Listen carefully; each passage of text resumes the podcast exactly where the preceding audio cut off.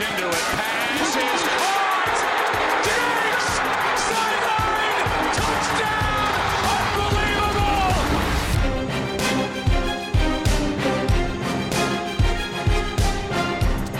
Welkom allemaal bij een nieuwe aflevering van de American Football Podcast van Sport Amerika. Een, eh, een ware collab, mag ik wel zeggen. En wel tussen de College Football Podcast en de NFL Podcast. We gaan het namelijk hebben over de Rookie Draft Class.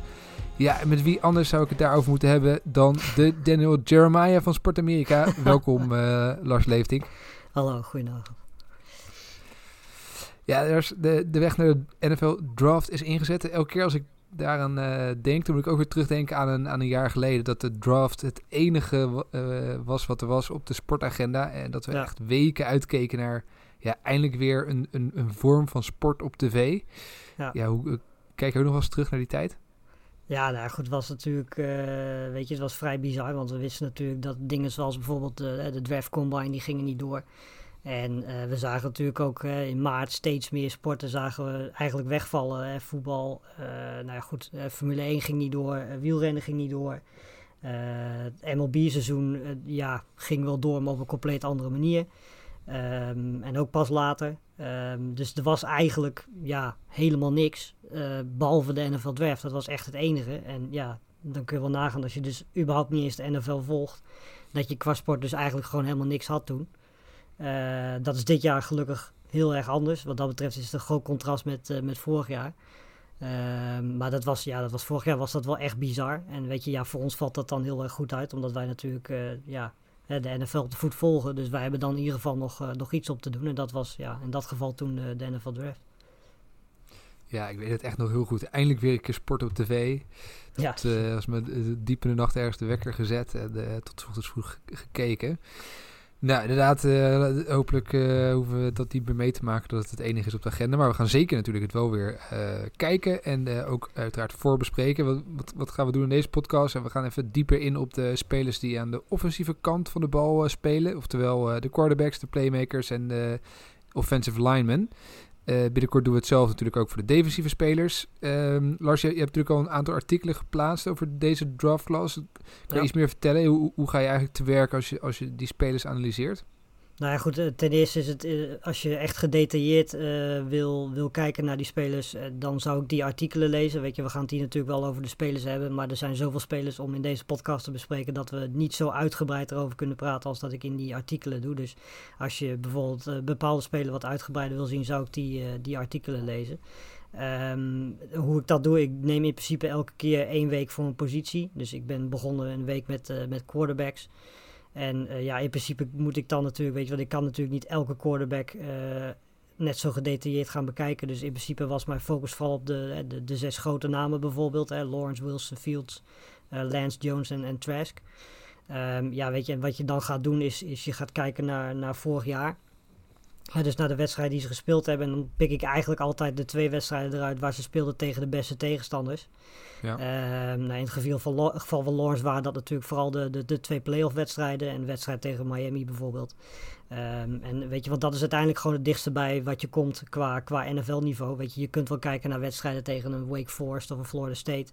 Ehm, maar het niveauverschil met de NFL is gewoon echt wel heel erg groot. Ehm, dus eh, ja, weet je, dan kijk ik meestal per, per speler twee, drie wedstrijden. En dan noteer ik gewoon wat, wat opvalt. En ja, hoe vaker je dat doet, hoe meer ding, andere dingen je gaat opvallen. Want ik doe dit nu twee, drie jaar op deze manier. En ook dit jaar heb ik weer andere dingen gevonden waar ik op let vergeleken met voorgaande jaren. Ehm, en ja, uiteindelijk kom je dan een soort van tot de eindconclusie. En natuurlijk, weet je, het is uiteindelijk, eh, ja, zover je ons dan als, als analisten mag bestempelen. Dat is natuurlijk eh, iets wat wel heel erg ver gaat misschien. Maar weet je, het is, het, is wat mij betreft gewoon het meest leuk om te doen. En eh, ja, weet je, ik probeer ook altijd in eerste instantie gewoon mijn eigen mening te vormen. En daarna pas te kijken naar wat anderen Ja. zeggen. Want eh, ja, Ja. als je vervolgens eh, eerst kijkt naar wat anderen vinden, dan ga je toch op die dingen letten. Ehm, Terwijl je juist eerst, ja, tenminste dat vind ik altijd het leuke eraan, je, je eigen mening wil vormen ervan. Ja, dat is het grote risico, hè? dat je inderdaad uh, eerst gaat lezen over wat anderen ervan vinden. En dan ja. vormt dat eigenlijk je mening al. En dan, uh, ja, precies. Ja. Maar goed, aan de andere kant, hè, als je wat minder tijd hebt, dan, uh, precies, dan is het ook een stuk makkelijker om op die manier de spelers een beetje te leren kennen. En laten we meteen in gaan duiken. En dan te beginnen met de belangrijkste positie op het veld, namelijk die van quarterback. vanuit NFL-perspectief ook een hele interessante positie, want dit jaar zijn er veel kapers op de kust. Ja. Uh, veel teams die een quarterback uh, zoeken. Ja, denk aan de Jaguars en de Jets natuurlijk. Maar ook aan teams als de Panthers, de, de Broncos ja, en zelfs de Patriots. Uh, en dan hebben ze nog lang niet allemaal genoemd. Maar eens beginnen met de obvious number one pick in ja. deze draft. Trevor Lawrence. Trevor Lawrence, hoe, hoe, groot is zijn talent, Lars? Ik denk uh, net zo groot als het, het talent dat uh, ja, Andrew Luck had toen hij, uh, Luck had toen hij de, ja, de draft ging. Dat was volgens mij 2014, zeg ik zo even uit mijn hoofd. als ik dat goed zeg. Mm, 12, denk ik. 2000, ja, 2012 inderdaad, klopt. Ja. Um, ja. Maar ja, sindsdien, weet je, als je kijkt, we hebben bijvoorbeeld Blake Bortles gezien als derde pick in 2014. Uh, James Winston was de eerste pick in 2015. Uh, Jared Goff eerste pick in 2016. Uh, nou, Trubisky tweede pick in 2017. Um, en de afgelopen jaren hebben we natuurlijk Mayfield, Murray. Grote namen. Uh, maar goed, ja, daarna had je in 2018 Mayfield, 2019 Murray en 2020 Burrow. Dat is natuurlijk wel van een, een, stuk hoger niveau dan, dan de quarterbacks die ik net hiervoor genoemd heb. Um, het enige verschil met Trevor Lawrence is dat Lawrence echt al, ja, vergeleken met die jongens, nog een stuk completer is. Um, hij heeft fantastische lengte. Um, en is ook een stuk mobieler. Uh, als je nagaat dat hij eruit ziet als een giraf, um, dan is hij echt nog wel heel erg mobiel. Uh, ik zou ook zeker letten op, op de runs die hij maakt. Dan zie je gewoon dat hij echt wel uh, veel mobieler is dan dat de meesten denken dat hij is. Um, daarnaast ja, weet je, heeft hij gewoon drie, vier jaar lang op het allerhoogste niveau in college gespeeld. in de playoffs. eigenlijk elk jaar en ook gewoon goed gepresteerd. Uh, hij is elk jaar beter geworden, completer geworden als, als quarterback. Uh, als je ook ziet, uh, weet je, ja, de pases die hij gooit, er is eigenlijk geen enkele paas die hij niet kan gooien. Uh, hij heeft goede pocketmobiliteit, hij, is, hij heeft geen enkele blessuregeschiedenis gehad. Wat ook wel heel belangrijk is voor, voor, als je naar de NFL gaat. Um, maar ja, weet je, ook Trevor Lawrence heeft natuurlijk wel een paar dingetjes. Die zijn heel klein, maar het zijn wel dingetjes waar hij wel aan moet werken. Bijvoorbeeld dat hij veel te weinig slide, want hij rent echt als, uh, nou ja, niet als een malle, maar op het moment dat hij zeg maar verdedigers in de buurt ziet komen, dan gaat hij nog veel te, veel te vaak met het hoofd naar beneden en ja. ja. gaat hij gewoon proberen daar doorheen te komen. Dat is natuurlijk iets wat, wat, ja, wat coaches gewoon totaal niet willen zien. Maar goed, dat gaat er wel uitgehaald worden, denk ik. Um, ja, daarnaast heeft hij, heeft hij soms nog wel het idee dat hij misschien zijn eigen kracht een beetje onderschat. Hij heeft natuurlijk een fantastische arm. Er is denk ik qua kracht niet echt iemand die bij hem in de buurt komt. Uh, alleen zie je soms bij hem nog wel eens dat hij zijn kracht een beetje overschat. En dat hij dus ballen die hij eigenlijk gewoon goed en makkelijk kan raten, eigenlijk een beetje te hard gooit.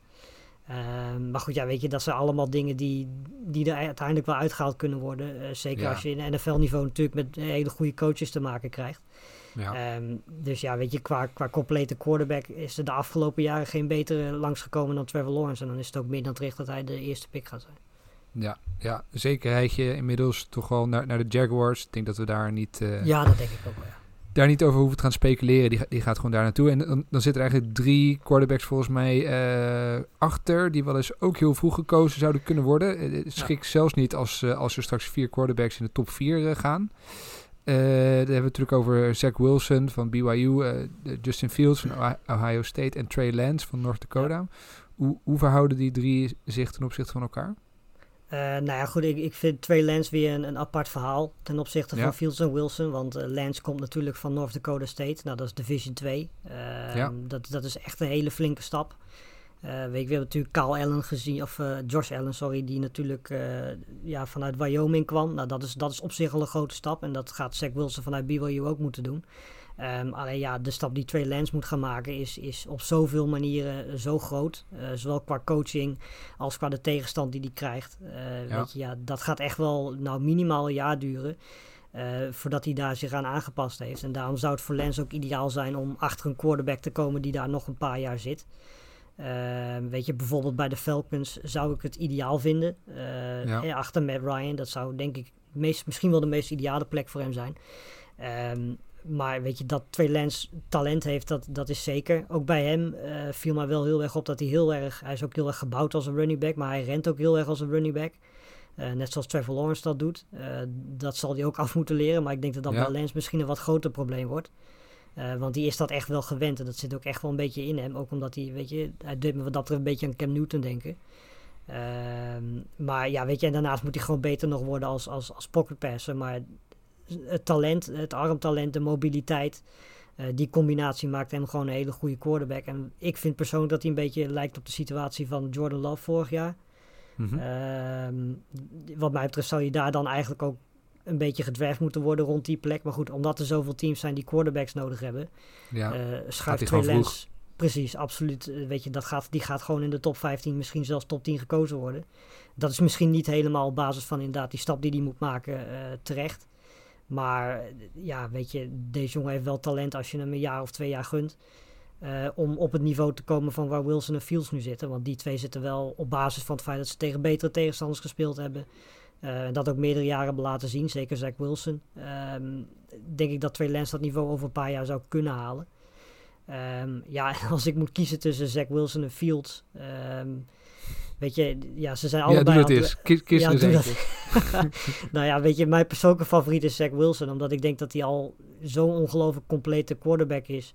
En de enige echte vraag bij hem is oh, hoe, hè, hoe snel hij die overstap kan maken van het niveau van BYU naar de NFL. Eh, ja, weet je, verder is er gewoon niet zo heel veel aan te merken op hem. Hij kan eigenlijk alles, hij is mobiel.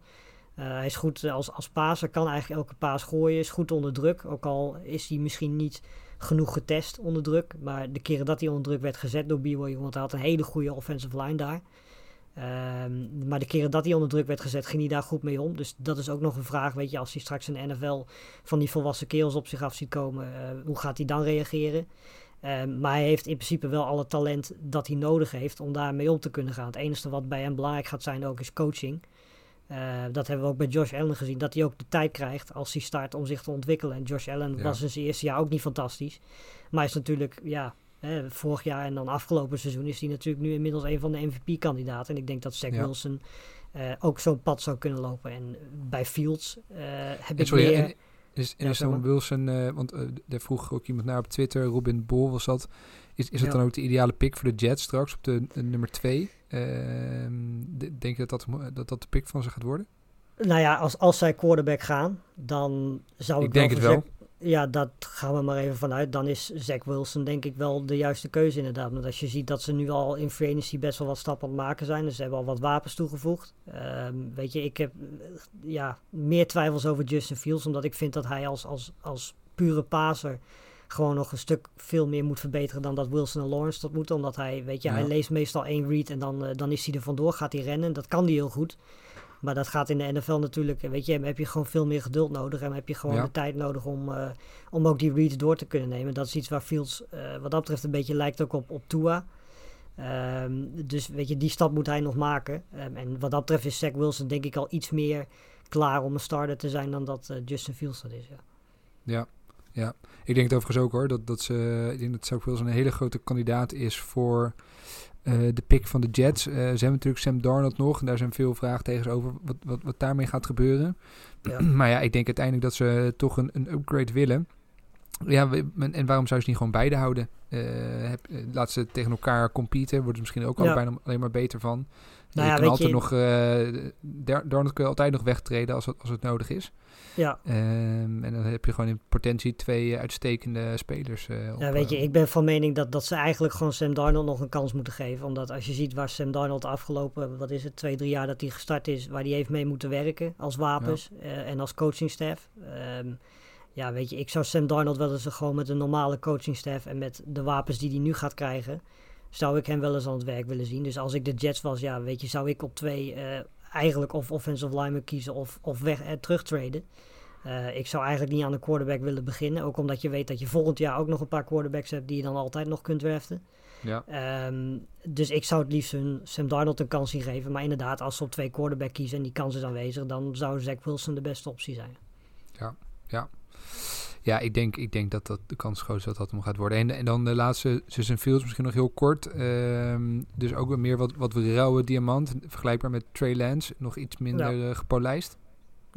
Ja, precies. Dat, dat is, weet je, ik bedoel, hij, hij, is, hij heeft atletisch vermogen, hij heeft het talent, hij heeft het ook op niveau al laten zien. ik bedoel, in de playoffs afgelopen jaar was hij ook heel erg goed.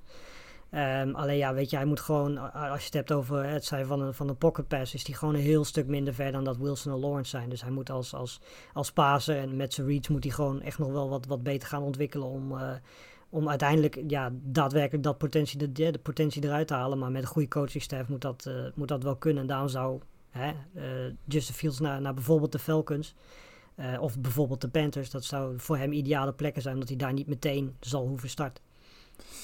Nee, klopt. Ik, ik, denk inderdaad dat, dat... Ik zit ook heel erg natuurlijk uh, bij de Panthers te kijken van wat, wat gaat het nou worden. Nu zitten ze op plek ja. 8, dus het is een beetje de vraag wat er dan nog is. Waarschijnlijk zullen ze, om een van die quarterbacks te pakken, toch wel omhoog moeten traden. Ja, dan is de vraag of ze die spelers goed genoeg vinden om, om, om dat ervoor over te hebben. Want ze willen heel graag ja. wel echt een top quality eh, quarterback. Nou, het Ehm, voordeel wat bij, bij de Panthers volgens mij is, is dat ze op zich daar alle drie prima kunnen. Weet je, want als je Zach Wilson, als die op een of andere manier daar helemaal heen valt, dan kan je die prima uh, meteen starten of daarachter uh, achter Ja. Teddy Bridgewater zetten. Nou, Ja. Fields en, en Lance kunnen sowieso beter achter Bridgewater, denk ik, nog in hun eerste jaar. Dus uh, ja, weet je, wat dat betreft, uh, welke van de drie er uiteindelijk ook bij acht nog over is, als een van die drie nog over is. ehm, ja, de kans dat ze die gaan kiezen is denk ik redelijk aanwezig.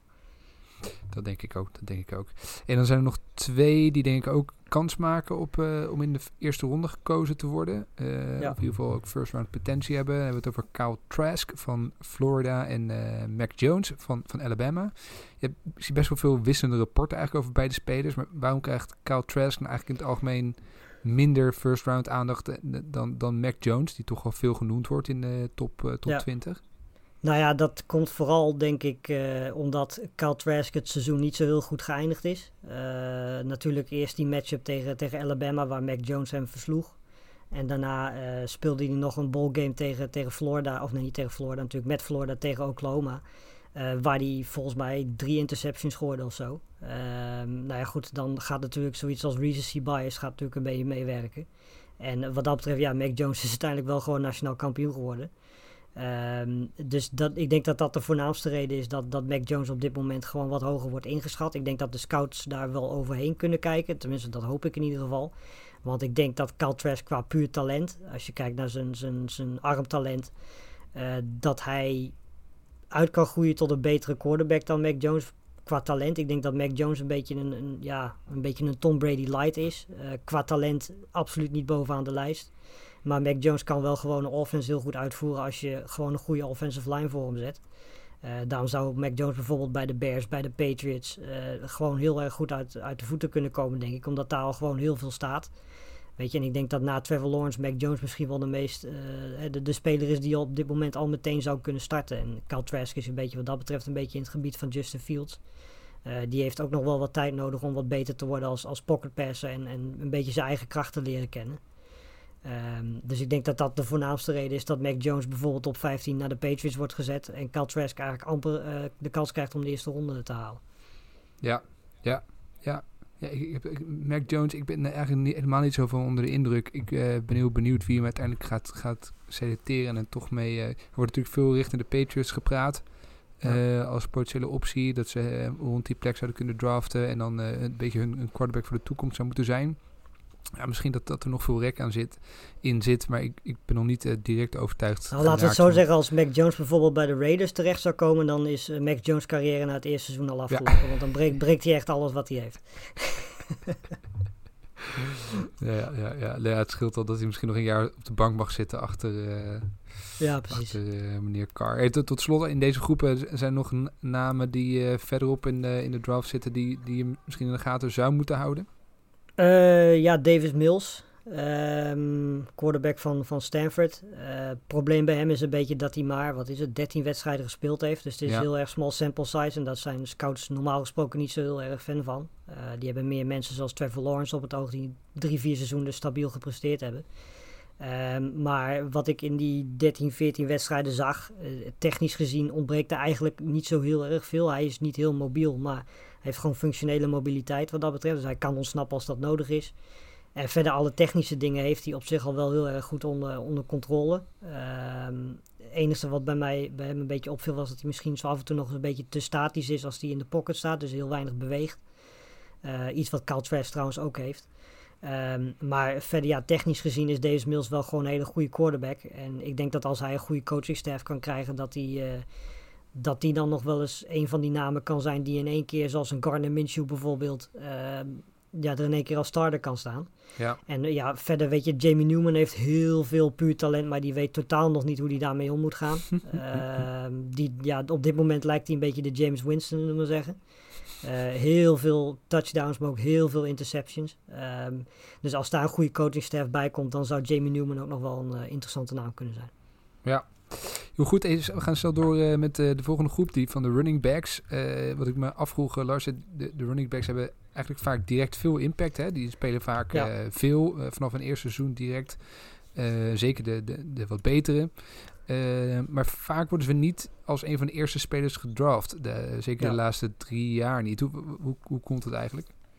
Uh, nou, dat, is, dat heeft op zich niks met talent te maken of met hoe belangrijk die positie is. Maar het heeft meer te maken met uh, ja, de blessuregevoeligheid van die, uh, van die positie. Ja. Want als we gewoon even kijken naar, naar de first round picks die we het afgelopen jaar gezien hebben. Bijvoorbeeld 2019 was de eerste running back was Josh Jacobs. Nou, die heeft al wel wat blessures gehad. Ja. kijken we naar 2018.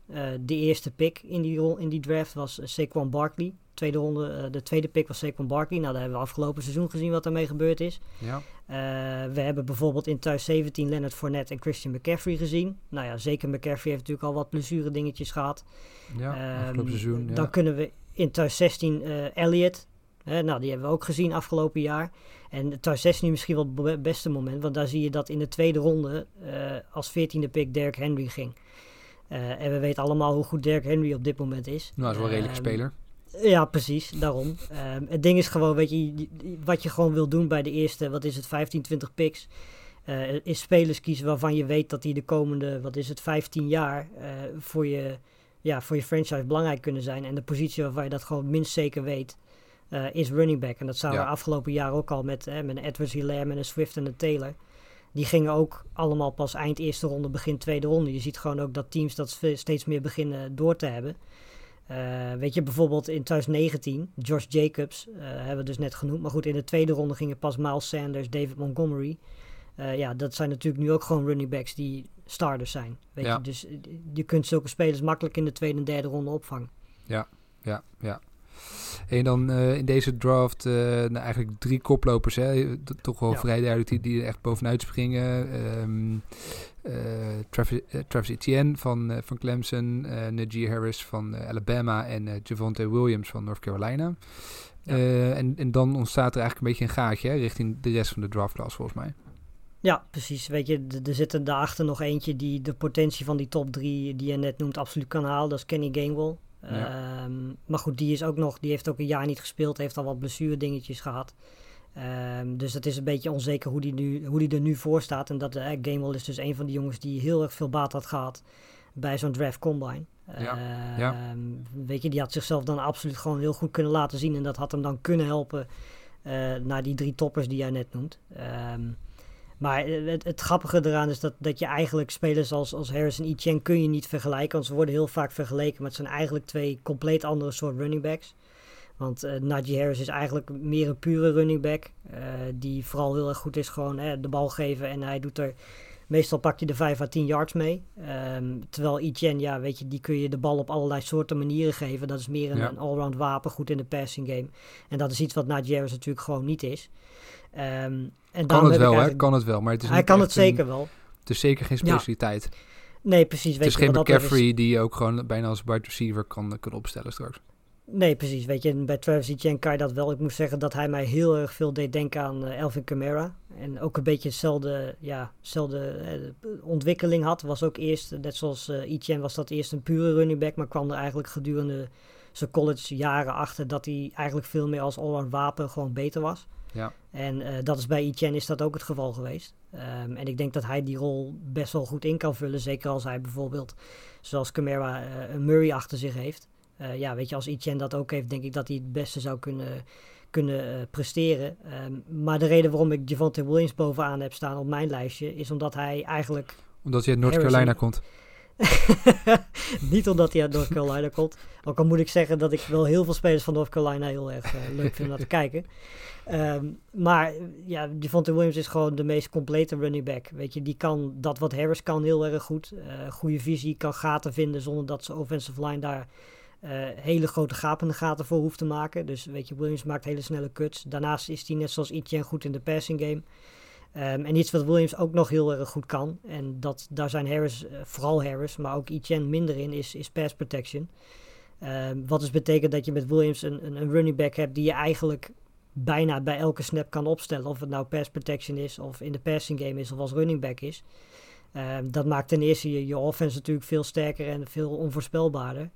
Um, omdat je niet weet wat een Javonte Williams gaat doen. Weet je, als Harris erin staat, weet je dat de kans groot is dat het een run wordt. En als ja. Etienne erin staat, weet je dat de kans redelijk groot is dat je hem uh, misschien als, als passing uh, aanval gaat, gaat gebruiken. Ja. En bij Williams kun je alle drie de kant op.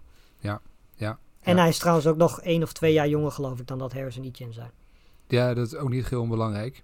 En, en wat uh, op zich wel opvallend is, hè, dat uh, ik, ik zei natuurlijk gekscherend North Carolina, maar in deze uh, running, running back draft class zit, er nog eentje hè, uit North Carolina ja. die volgens mij ook met name in de, de passing game goed gebruikt kan worden.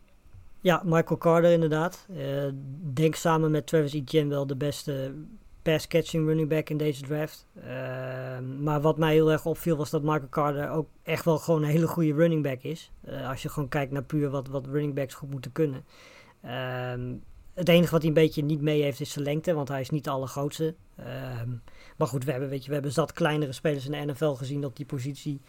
Uh, die dat ook gewoon aardig invulden. En ik denk dat, weet je, Michael Carter heeft niet het pure talent van die vier namen die we net genoemd hebben. maar ik denk dat Michael Carter gewoon een hele goede uh, ja, nummer 1 running back kan zijn. Die, uh, en dat hebben we de afgelopen jaren vaker gezien, gewoon de tweede of derde ronde kan, kan oppakken. Zoals een Cam Akers dat vorig jaar was bijvoorbeeld. Ja, ja, ja. Hey, uh, nou, er zijn nog een hoop andere running backs, maar ik, ik, ik ga toch alvast even de switch maken naar, naar de volgende groep, naar de wide receivers. Um, ja. En volgens mij is het een klein beetje hetzelfde verhaal hè, als met, met de running backs. Weer drie spelers die er bovenuit springen. Wat, wat mij opviel is dat de, de, de, de groep overal wel wat dieper is dan, uh, wat groter is dan de groep van de running backs. In ieder geval de, de spelers met, met potentie. Of hoe, hoe zie jij dat? Ja. Nou ja, ik, ik zou ook een vraag langskomen van uh, hoeveel, hoe goed nou de offensieve posities zijn ten opzichte van vorig jaar. Ja. Um, en wat mij opviel was dat het op zich qua quarterback... Uh, weet je, het ziet eruit alsof de, de quarterback-positie beter is ingevuld. Maar dat valt op zich mee. Dat komt vooral omdat quarterbacks gewoon ja, er is gewoon een hele grote zijn. voor. Ja, ja precies. precies. Um, dus quarterbacks zijn gelijkwaardig. Ik denk dat je ook qua running backs wel kunt zeggen dat het gelijkwaardig is.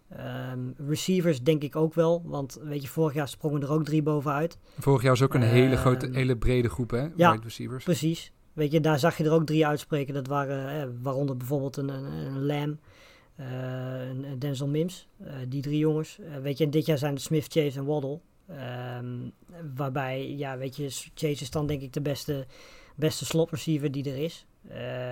Um, waarbij je, je moet ook hier weer, net zoals bij Harris en Etienne, wel verschil maken tussen, tussen Smith en Chase. Want het zijn twee andere soorten receivers. Smith is meer de, de, ja, de goede route runner, de, de snelle big play uh, speler die je ook op meerdere manieren in je offense kan, kan gebruiken. Beetje een nieuw mannetje uh, terwijl, hè, om, om te zien. Ja, Precies, ja, weet je, er was ook een statistiek, volgens mij is onder de, 100, uh, onder de 80 kilo is die. Er zijn er maar twee spelers gedraft ooit die uh, zoveel wegen op, op receiver. En dat, ja. ja. de meest bekende daarvan is Paul Richardson, die we een tijdje bij Washington voetbalteam hebben gezien.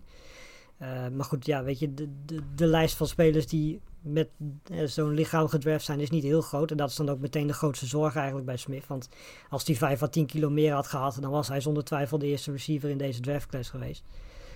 Um, maar dat is wat, wat mensen ook zo, ja, zo, zo mooi vinden aan Chase. Hij is meer een fysieke receiver. Ja. Um, hele slimme receiver ook. Weet ook op, op de juiste manier al op zo'n leeftijd zijn, zijn, zijn lichaam heel slim te gebruiken. Weet je, ik zag ook beelden van hem dat hij gewoon 10, 15 jaar lang aan het, aan, aan het vechten is met zijn handen met een, met een verdediger. En dat hij dan uiteindelijk alsnog uh, die catch kan maken. Weet je, ja, dat zijn dingen die, die Smith natuurlijk absoluut niet kan. Dus uh, ja, weet je, het zijn twee soorten receivers, maar welke van die, de twee je ook kiest, ik denk dat je dat vooral moet kiezen op basis van wat je als team nodig hebt. Ehm, en wat dat betreft is misschien Jalen Waddle, als je gewoon alles compleet bekijkt, misschien wel de, de, ja, misschien wel de beste receiver.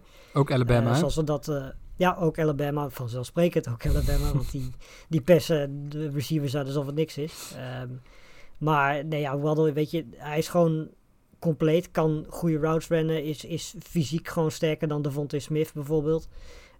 Um, is hij van de drie de beste in, in het vangen van contested catches. Dus weet je, ja, je kunt als verdediger nog zo goed uh, Jalen Waddle proberen uit te schakelen. Hij weet meestal wel die bange toch, ballen toch ergens vandaan te halen.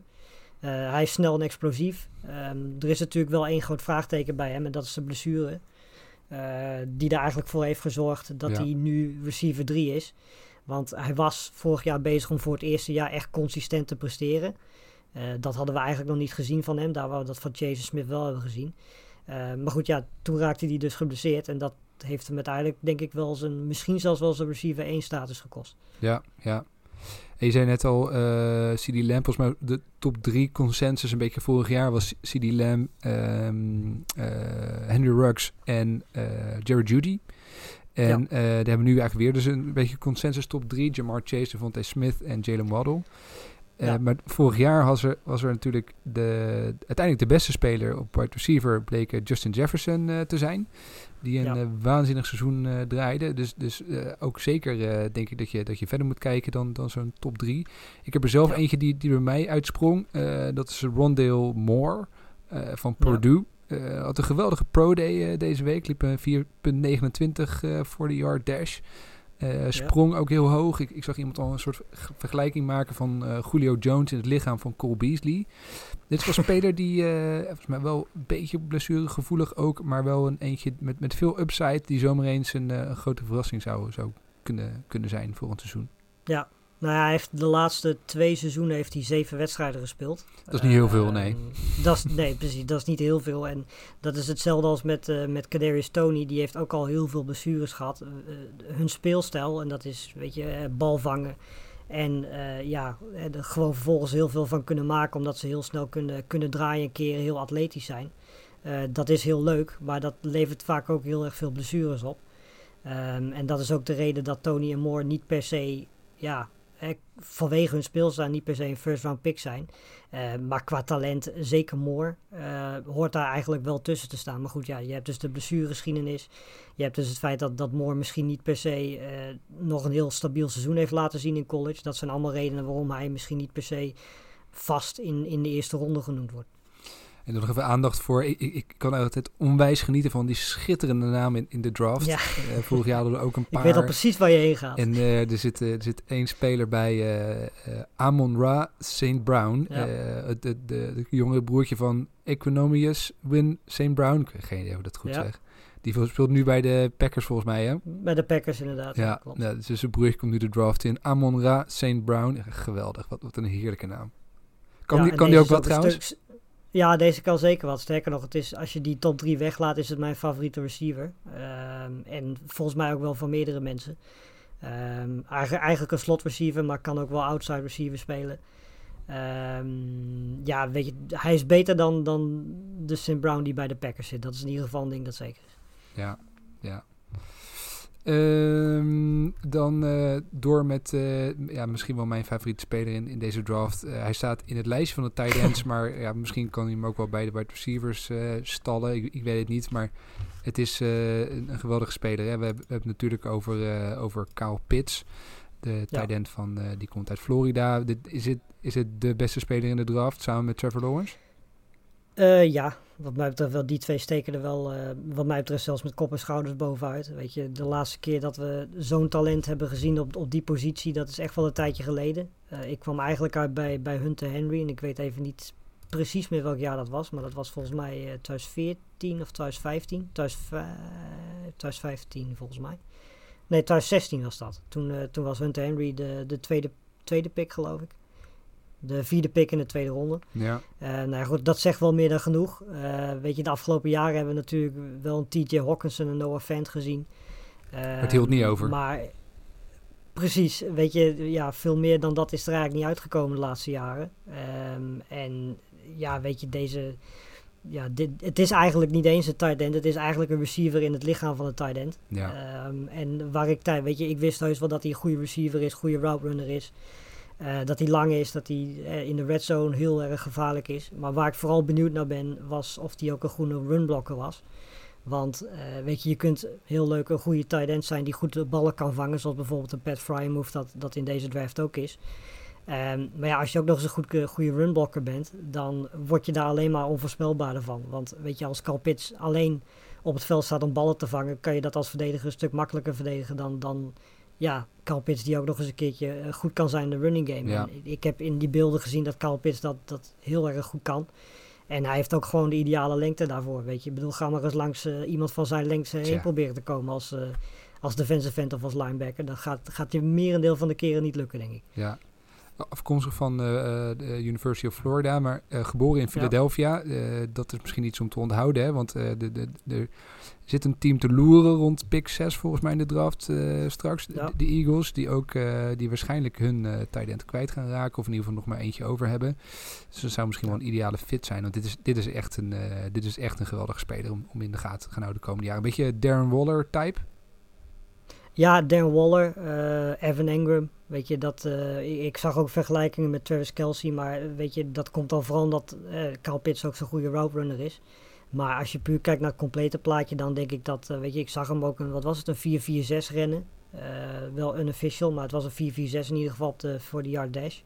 En volgens mij had Engram ook een 4-4-6, of was het Waller, een van de twee. Eh, dus ja, weet je, als je echt naar vergelijking zoekt, dan zijn die twee wel eh, de beste vergelijkingen. En dan zeker ten opzichte van Engram heeft hij wel iets meer, eh, iets meer talent. Ja. Ja. Heel kort dan nog, zit er nog iets achter eh Kyle die interessant is om op te pikken voor teams? Eh, nou ja, goed, ja, Pat Frymouth zijn wel een goede receiving tight end vooral. Eh Brevin Jordan, eh, dat zijn wel twee spelers die normaal gesproken tweede of derde ronde gekozen gaan worden. Vooral Brevin Jordan kun je echt op meerdere manieren inzetten. Was ook, kwam ook heel vaak bij Miami in motion. Nou ja, als je een tight end zo in motion kan brengen, dan weet je wel wat voor tight end je hebt. Dus daar kun je gewoon heel veel dingen mee doen met Brevin Jordan. Maar voor mij, ja, de meest interessante is Tommy Tremble van, van Notre Dame. Ook een lekkere met naam afstand trouwens, de beste, Tommy ook een Tremble. heerlijke naam inderdaad. Eh, ook goeie naam voor een Netflix-serie. Heb jij Tommy Tremble al gezien? Maar eh, weet je, hij is ook eh, met afstand de beste runblocker in, in deze draft. Ehm, het enige wat, wat bij hem het grote vraagteken is, is of hij ook daadwerkelijk kan gaan laten zien dat hij een goede receiver is. Wat hij bij Notre Dame niet kon laten zien, omdat hij daar één of twee tight ends voor zich had die ja, in de passing game gewoon de voorkeur kregen. Ehm, maar ja, weet je, volgens mij heeft Tommy Tremble, van wat ik gezien heb, heeft hij wel de potentie om als passcatcher ook heel belangrijk te zijn. En dan heb je wel een hele, hele dodelijke combi van een, een fantastische runblocker en, en gewoon een hele goede, eh, heel goed wapen in, in de passing game. Ja. Hey, dan vorig jaar was natuurlijk het jaar eigenlijk van de, de vele offensive linemen die al in de eerste ronde gekozen werden. Ehm, en, en we Ja. hebben, nou, zoals een paar weken geleden nog gezien in de Super Bowl, hoe belangrijk deze positie wel niet is. Ehm, Ja. Maar ook, ook dit jaar gaan we dit mogelijk weer zien. Eh, er zijn momenteel twee frontrunners in deze draft class. Ik kan alvast verklappen dat mijn favoriete speler daar niet bij zit, maar daar vlak achter zit. Eh, maar, maar begin jij eerst eens over de, de twee meest genoemde prospect, Penay Sewell en Rashawn Sla- Slater.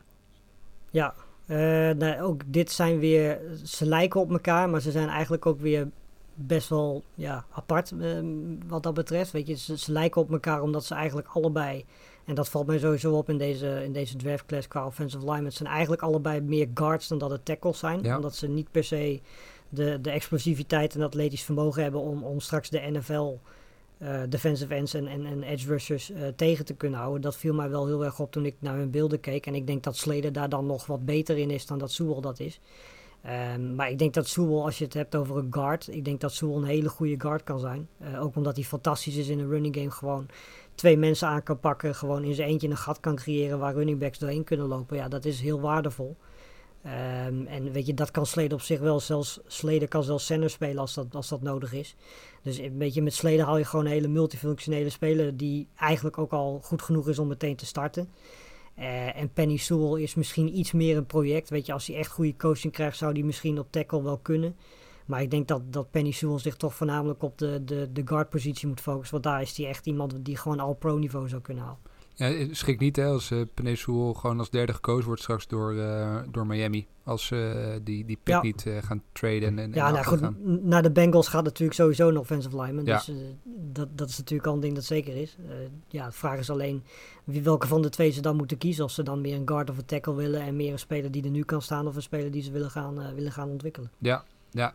Nou, de speler die ze zouden moeten pikken, eh, en dat is meteen eh, mijn, Ja. mijn favoriete spelers in deze draft. Ook eh, een schitterende naam, daar gaat het maar niet om, maar het is wel een mooie naam. Elijah Vera Tucker van de USC. Misschien net iets te klein voor een, voor een left tackle, maar wel een speler die zo in kunt passen volgens mij in, in je offensive line. Zeer betrouwbare speler, zeer, zeer veel kwaliteit. En ik zou Ja. toch deze speler heel goed in de gaten houden als ik een NFL-team zou hebben. En, en ik weet hoe belangrijk die offensive line is. Dan is dit volgens mij iemand waar je gewoon puur op kunt vertrouwen dat hij de komende jaren gewoon zijn mannetje gaat staan. Dit, dit, eh, volgens mij een, een top eh, prospect. Ja, zeker. Ik, ik heb hem eh, eigenlijk op de tweede plek achter Sewell qua talent. Maar hij is inderdaad ook mijn favoriete offensive lineman. Ehm, omdat, weet je, ik hoor ook heel veel dingen over hoe ze over hem praten. En dat is eigenlijk alleen maar positief. Ja. Daar komt bovenop dat ook hij alle drie de posities kan spelen. Ik bedoel, hij heeft ook eventjes center gespeeld.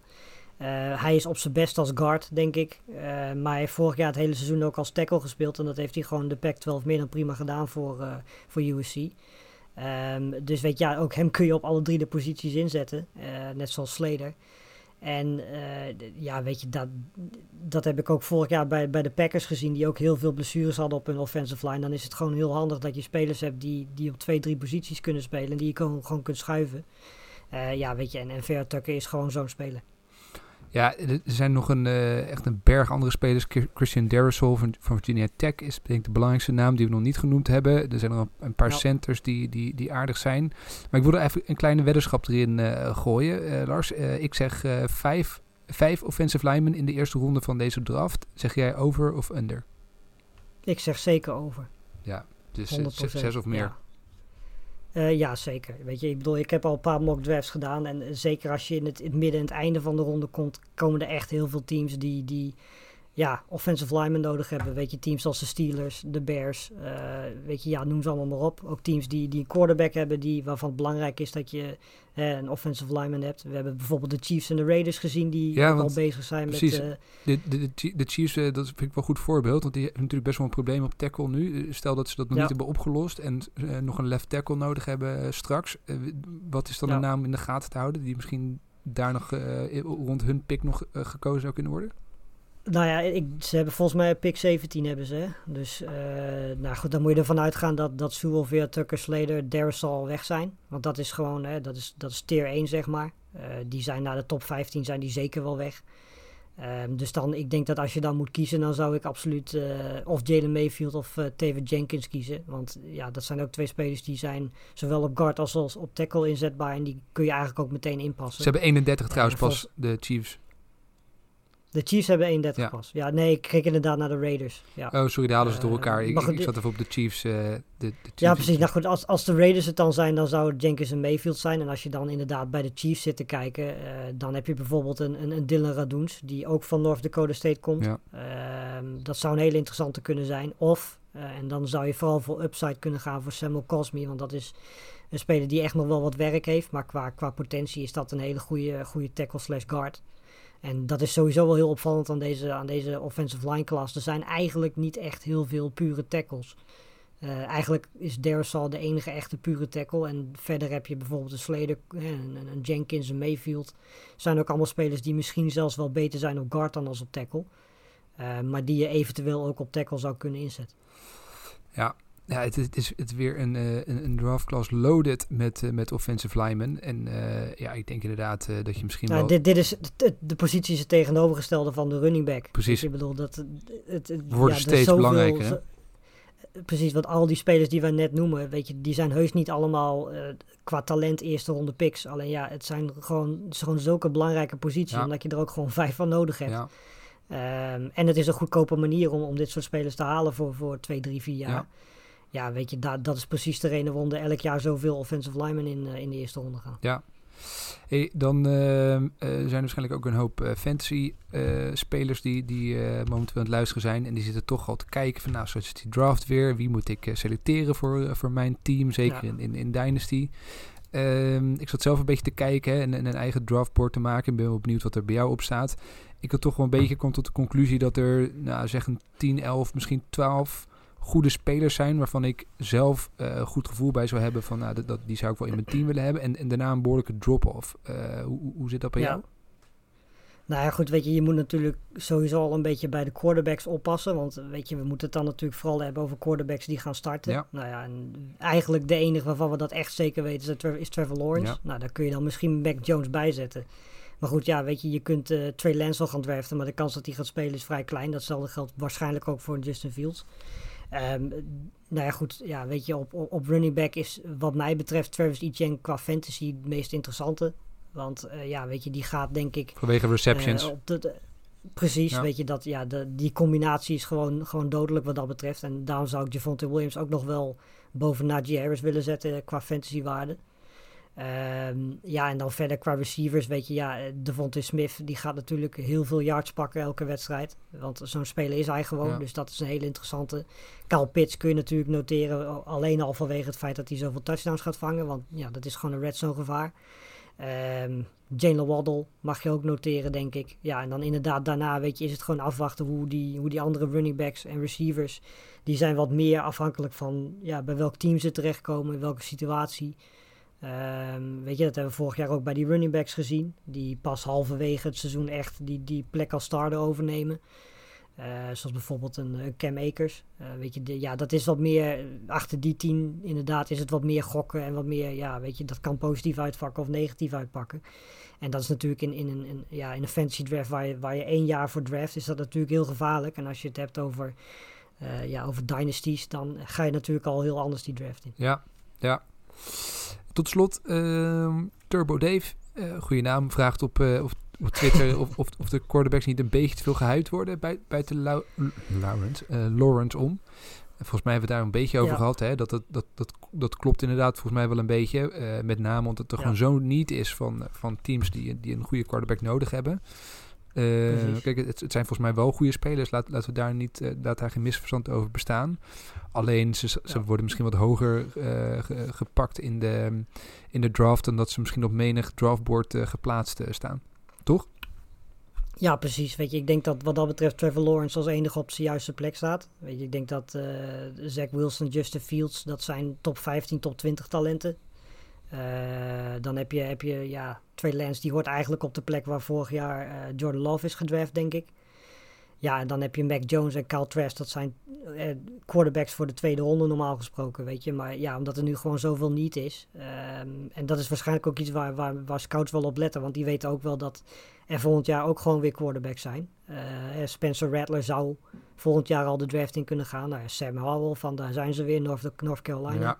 Ja. Uh, Bo Nix, uh, nou ja goed, weet je, zo kunnen we het lijstje nog wel even af. Volgend jaar zijn er ook gewoon weer hele leuke quarterbacks beschikbaar. Dus je krijgt inderdaad het gevoel alsof teams ja, nu een quarterback moeten kiezen, want anders dan krijgen ze volgend jaar de kans niet. En dat is absoluut niet waar. Nee. Nee, duidelijk. Maar goed, toch, uh, ja, wees niet verbaasd als inderdaad uh, de, de, de top 4, top 5 um, in de draft straks uh, meteen alle vier de, de, de genoemde quarterbacks al, al weg zijn. Maar goed, het kan ook een hele andere kant op gaan en kunnen wat spelers uh, zakken. Ik hoorde van de week een, een um, mock draft waarin Kyle Pitts in één keer naar, naar plek 12 terugzakte. Nou, ik kan me niet voorstellen, maar, maar er zijn gekkere dingen gebeurd. Nee. Uh, nou, maar dat is ook precies, weet je, waarom mock drafts op dit moment eigenlijk nog helemaal geen nut nee. hebben. Weet je, ik heb, ik heb er ook eentje gedaan, maar ja, we zitten midden in free agency. En uh, weet je, ik bedoel, je kan bijvoorbeeld uh, bij, bij de Dolphins, ja, die hebben nu al een paar receivers gepakt. Terwijl iedereen eigenlijk al ervan uitging dat Chase naar de Dolphins ging. Ja. Weet je, dat, ja, dat is nu bijvoorbeeld ook al niet zo zeker meer. Dus weet je, en zo verandert dat constant. Dan kun je eigenlijk pas na free agency echt echt zinvolle mock drafts gaan maken, ja. zullen we zeggen. Ja, en dat gaan we ook zeker doen, hè. Uh, we gaan uh, heel zinvolle mock drafts komen. We gaan ook nog wel uh, een, een, live mock draft doen in de podcast. Um, ja. Maar de eerste volgende wat we gaan doen is een, een, een, podcast over de defensieve spelers nog. Wanneer die precies komt, daar moeten we nog even over hebben. Maar dat, dat is in ieder geval het volgende tussenstop. En dan gaan we langzamerhand toch wel ja. weer echt richting de draft ons bewegen. Waar ik wel heel veel zin in heb. Ja, heerlijk. Mooi, perfect. Hey Lars, eh, bedankt voor jouw inzichten. We hebben echt door, zijn als een sneltrein doorheen gegaan. We hadden nog veel meer over heel veel andere spelers kunnen, Oh ja, kunnen zeker. bespreken. Maar goed, dat, dat komt vast nog wel een keer. Ehm, in ieder geval bedankt voor jouw inzichten, was top. En als je inderdaad nog meer wil weten, kijk eventjes terug eh, op Sport Amerika en, en, en lees de artikelen van, van Lars daar. Er staat heel tot echt in detail uitgewerkt wat je kunt verwachten van elke speler. Dus doe dat zeker eventjes. Hey Lars, thanks. En eh, we spreken elkaar snel. Yes, geen probleem. Oké, bye.